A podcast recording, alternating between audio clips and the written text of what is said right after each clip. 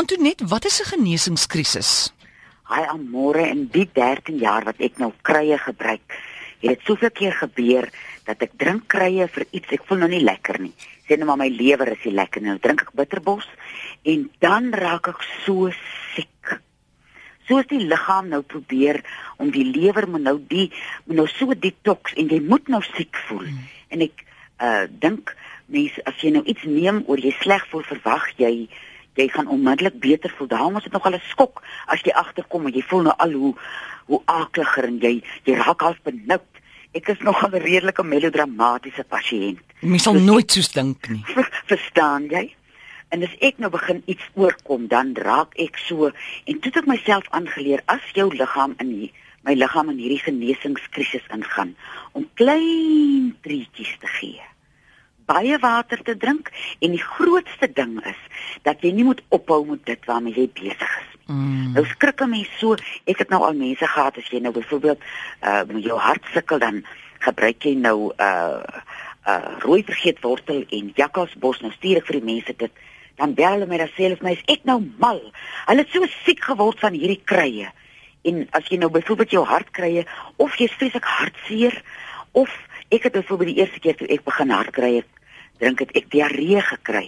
Toe dink ek, "O, wag, ek akkordeer nie met my nie en ek hou op." En elke keer as ek dit begin gebruik het, het ek diarree gekry tot ek iets gelees het oor die genesingskrisis en besef het mens moet daar gaan staan in hy oog van die storm, maar met deernis, nou nie en met goeie verstand, common sense en jouself baie stadig deur hierdie proses vat. Soos julle nou al almal weet, ek vreeslik lief vir diere. En as ek nou so benoud raak en ek is nou in so 'n genesingskrisis en ek wil bokspringe maak, dan sien ek so my geestesoog 'n perd en dan slaan ek so saggies teen sy nek en sê hom dat jy jouself net 'n bietjie afgeer, dat jy kan luister wat jou liggaam vir jou sê, want hy sê en of jy hoor is 'n fout en dit gaan 'n tydjie vat om dit reg te maak. En ek dink mens raak 'n uh, eh, ehm um, wat is spoil nou bederf mm. as 'n mens nou oor die toonbank medikasie vat as dit seer is drink jy dit en dan is die pyn weg. Maar die die die wortel van die ding word nooit eintlik aangespreek nie. En baie keer as jy die wortel aanspreek dan uh, is dat die verskywing bring groot ongemak mee. En dis word, ja, dis juist daai daai krisis wat jou lyf sterk maak. Dis die ding. As jou liggaam hom om Johannes een van sy uh gunsteling dinge is beer net so 'n bietjie teen die ding juffrou. Ag moeder.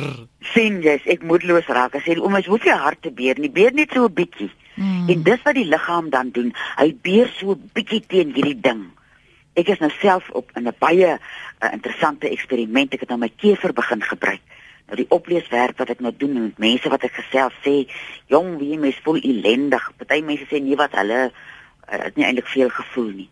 Nou kan jou liggaam vir jou wys waar sit die plek wat genesing nodig het. En geen genesing is oornag nie. Die hele die proses van genesing is baie keer ver meer waardevol as die genesing self. Soos jy bereid is om met deernis en met 'n sagte hand om te gaan met hierdie genesingskrisis waarin jy is en te vertrou dat dit die ding is wat jy moet gebruik en glo daarin maar ek het nou vroeër gepraat van gesonde verstand byvoorbeeld. Ek het destyds toe spirulina so mode was, het ek so spirulina begin drink. Ooh, dan voel ek so aklig. Dan dink ek nee, man, ek probeer nie hard genoeg, dan drink ek nog. Toe vind ek later uit my mense met die oë bloedgroep moet versigtig wees vir spirulina. Soos iets soos spirulina dan of jou genesingskrisis gee, op 'n punt moet jy dan so ingestel wees dat jy kan besluit nee, wag, wie jy die ding sit nie reg nie. En probeer dan 'n alternatief wat dieselfde probleem aanspreek tot jy iets kry waar jou genesingskrisis nie so verskriklik intens is nie. Byvoorbeeld kinders wat 'n uh, koors het, uh, is dan nou al hoe meer 'n neiging om te sê laat die koors so 'n bietjie gaan. Weereens gebruik jou gesonde verstand, moenie roekeloos wees nie. Maar die koors wat die kind het, bou maak die liggaam sterk hmm. dat hy daai koors kan aanspreek en hom uit die liggaam uit kan verdryf. Weet jy vroeër toe ek praat oor hierdie genesingskrisis en ek sê jy gaan vandag jou hart daaroor oopmaak toe bel Piet my en hy sê hy het 'n pel wat 'n prokureur is en hy het altyd egskeidingssake hanteer. Ja. En toe het hy 'n boekie geskryf Genesingskrisis, dis die boek se naam. Ja. En dit gaan daaroor dat ouers wat skei wil altyd hê hulle kinders moenie hulle kinders moenie pyn hê nie. Hulle Ja. hulle wil die smart weghou van die kind af. Ja. Hy sê en dis dis verkeerd daai. Hy sê elke mens is geregtig op sy eie smart. Dis die ding. Hy sê en dis juist daai smart wat daai kind uiteindelik gaan sterk maak. Ja. Maar dit was vir my toe nou 'n goeie uh, vergelyking oor die genesingskrisis op 'n emosionele vlak. Want baie keer en almal sal dit herken. Nou dink ek jy het met 'n ding gewerk en die ding is nou oor en as jy jou weer kom kry, dan is die ding weer daar. Dan is jy so in 'n krisis want jy het nou gedink jy het dit hanteer. Ja. Maar om stil te wees in 'n emosionele genesingskrisis en te luister. As jy na daai stemmetjie in jou binneste luister, gaan hy vir jou sê: "Hoorie maak so." En my vraag is nou wanneer jy in 'n genesingskrisis is, hoe weet jy nou soos kyk jy wat destyds nou gevoel het ja, daai spirulina is nie vir jou nie. Wanneer Ja. weet jy o, gits, dinge raak hom nou glad nie beter nie. Wanneer weet jy moet ek nou stop of is dit net 'n normale normaal tussen hakkies genesingskrisis? Leer ken jouself. Leer ken jouself in 'n krisis want ek kan nie vir jou sê waar's jou krisis byvoorbeeld nie.